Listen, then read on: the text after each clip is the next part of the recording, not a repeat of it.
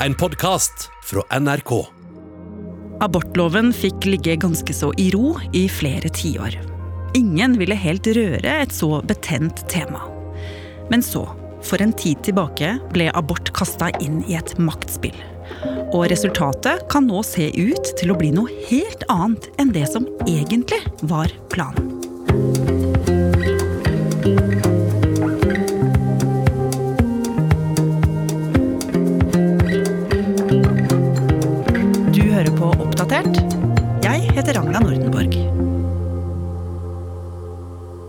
Dag så er det sånn at hvis jeg vil ta abort, øh, så kan jeg gjøre det helt fritt av akkurat hvilken grunn jeg vil, helt fram til det har gått ca. tre måneder, altså uke tolv. Ida Tune Øretsland er journalist her i Oppdatert. Men så er det sånn at det er først flere uker seinere man kan få vite ordentlig om fosteret er friskt, eller om det kanskje har en alvorlig sykdom. Og hvis jeg vil ta abort etter å ha fått vite det, så må jeg i en abortnemnd. Og hvordan funker det i praksis, Ida? Da må jeg legge fram saken min for to leger ved et sykehus, og jeg kan enten møte opp sjøl, eller så kan de bare få tilsendt eh, dokumenter og info om hvorfor jeg vil eh, ha abort. Men hele poenget er at det er de som bestemmer om jeg skal få ta abort eller ikke, og ikke jeg. Men den nemnda skal legge veldig stor vekt på hvordan jeg sjøl bedømmer situasjonen og hva jeg mener. Men jo lenger ut i graviditeten jeg har kommet, jo vanskeligere blir det.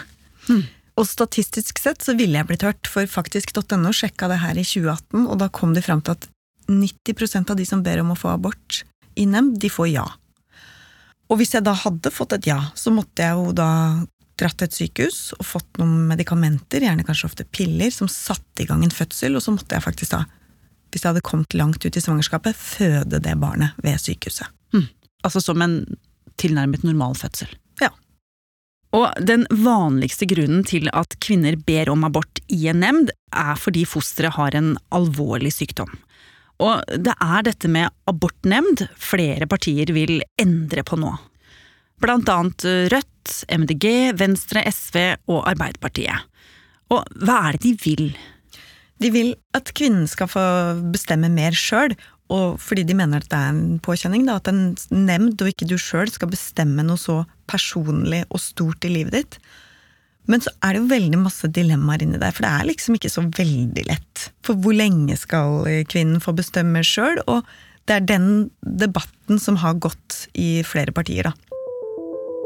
Og når Arbeiderpartiet hadde landsmøte nå for litt siden, så var det en del diskusjon om dette her, men de landa på at kvinnen sjøl skal få bestemme helt fram til det har gått ca. 4,5 måneder, eller 18 uker. Og etter det så skulle det være nemnd.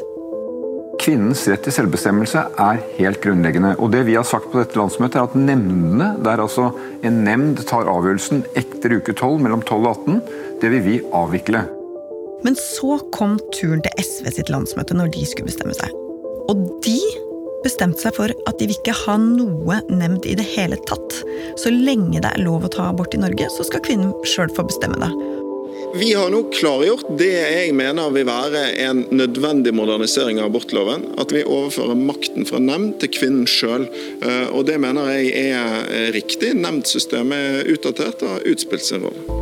Og da betyr jo det i praksis at helt fram til man begynner å redde for tidlig fødte fostre, så skal kvinnen sjøl få bestemme om hun vil ta abort eller ikke. Og i dag så er den grensa på 22 uker når det er gått ca. fem måneder. Og da var det veldig mange som reagerte. Eh, Det er nesten så jeg ikke vet hva jeg skal si, for jeg syns det er så rystende og fortvilende at, eh, at vi har to politiske partier her som foreslår en så radikal politikk. Det rokker ved hele den balansen vi har i dagens eh, abortlov. Eh, Det fjerner jo rettsvernet for det ufødte liv. Hvis vi nå får abortloven i spill, så tror jeg det kan bli en ganske stygg debatt. Vi har sett i andre land at det er veldig splittende. Og Kjell Ingolf Ropstad, lederen i KrF, han ble til og med lei seg av å høre de forslagene som kom. Jeg syns det er trist, og det er urovekkende at de nå går inn for selvbestemt abort til veke 18.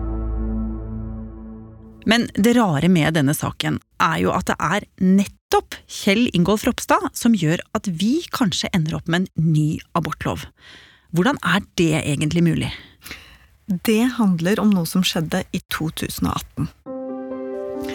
Da skulle KrF ta et veldig vanskelig veivalg, fordi han som var partileder den gangen, Knut Arild Hareide, han ville samarbeide med Arbeiderpartiet.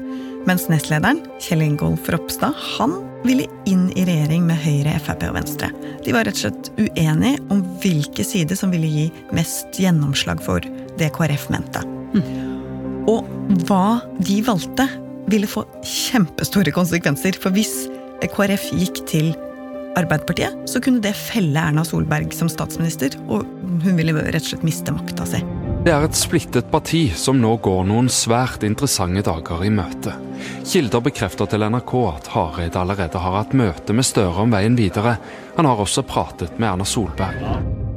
Så både Ap og Høyre var altså helt avhengig av hva KrF bestemte seg for. Og spenningen den bygde seg jo bare oppi da. Ja, både Arbeiderpartiet og Høyre prøvde å gjøre seg flotte og fine for KrF og lokke de til seg på alle mulige måter. Jeg tar de på ordet for at dette er politiske spørsmål som jeg håper at de vil venne seg til oss for at vi skal finne frem til gode løsninger på. Fordi vi har fem år med godt samarbeid, mye KrF-gjennomslag og eh, mange gode saker som jeg har møtt mange KrF-ere som er stolte av. Det jeg tror vi deler oppfatning om, er at barnefamiliene er under press. Barnefattigdommen er et problem, og vi må ha oppmerksomhet om oppvekst for barna våre. Og Da er det veldig mange ting vi må se på. Jeg mener at i det Hareide skriver i boka si, og det manifestet de har vedtatt, så er det mange spørsmål som vi kjenner igjen og kan eh, ta tak i. Bare noen dager før KrF skulle bestemme seg, så hadde Kjell Ingolf Ropstad, som jo ville i regjering med Høyre, kontakt med Høyres kommunikasjonsavdeling. Og de spurte Ropstad om ikke han kanskje hadde tenkt å si noe om abort i mediene. For Høyre visste jo veldig godt at det å stramme inn deler av abortloven var veldig viktig for mange KrF-ere. Og en stund etter den praten så dukka det opp da en sak i VG der Ropstad utfordra Solberg og Støre på abort. Og han lurte på hvem av dem som var villig til å stramme inn abortloven, akkurat sånn som KrF ville. Og ganske fort så dukka det opp et nytt oppslag i VG med bilde av en smilende Erna Solberg. Og så sto det Erna Solberg klar for å endre abortloven, kaster seg inn i kampen om KrFs veivalg. Mm.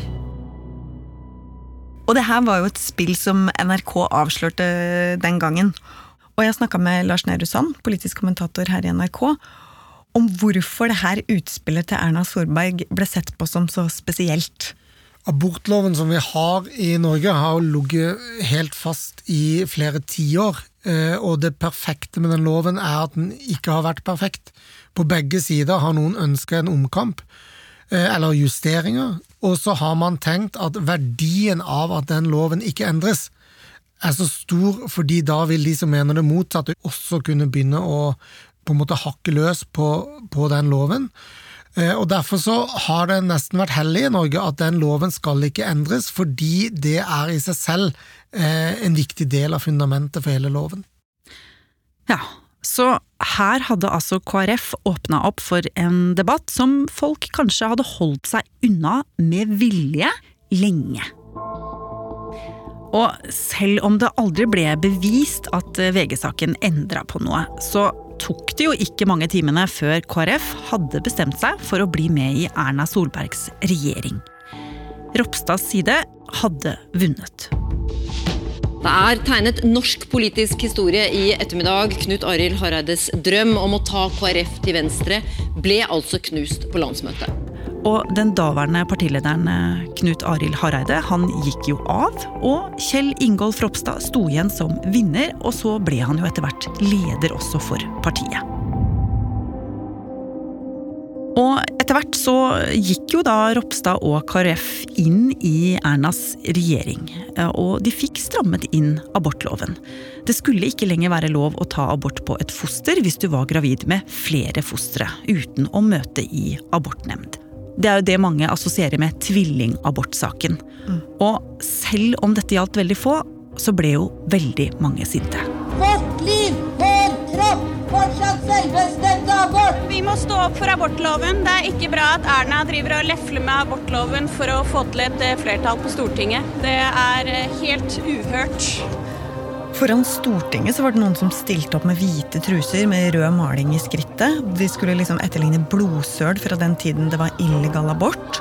Og det ble posta bilder av blodige strikkepinner i sosiale medier for å demonstrere mot disse endringene i abortloven.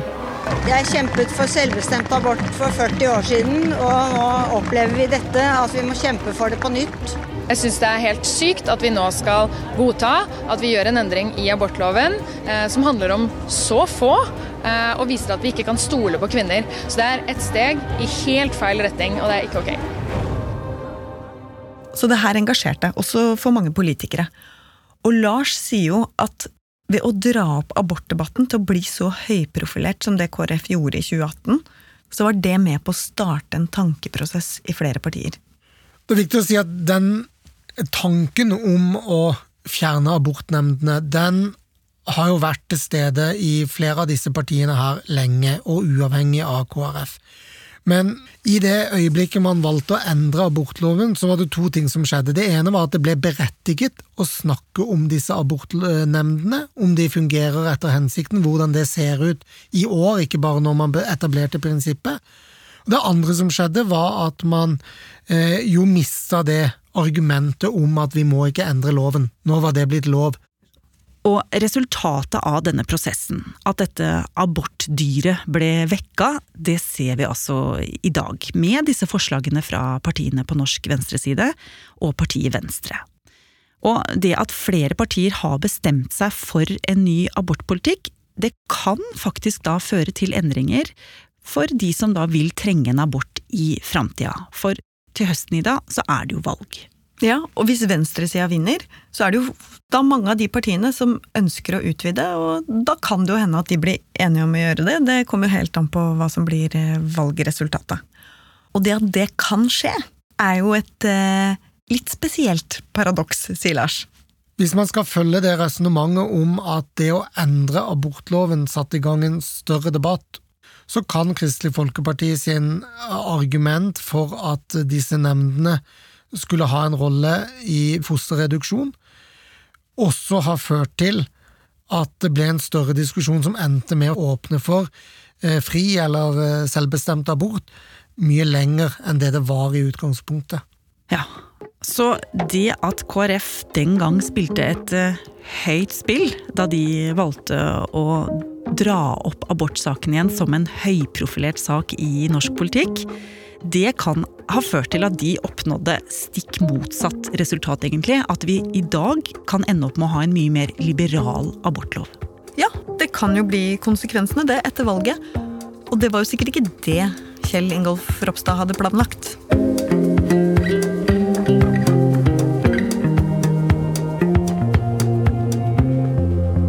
Har du lyst til å bli fast lytter av oss i Oppdatert og få påminnelse om nye episoder, er det bare å følge oss i NRK radioappen. Og så er det veldig hyggelig hvis du vil anbefale oss til en venn. Oppdatert er en podkast fra NRK Nyheter, og denne episoden er laget av Ida Tune Øretsland, Pål Gauslå Sivertsen, Andreas Berge og meg, Ragna Nordenborg. Eva Midthun Leira er redaksjonssjef. Vil du kontakte oss, gjør gjerne det på oppdatert krøllalfa nrk.no.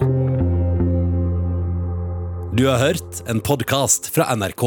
Hør flere podkaster og din favorittkanal i appen NRK Radio.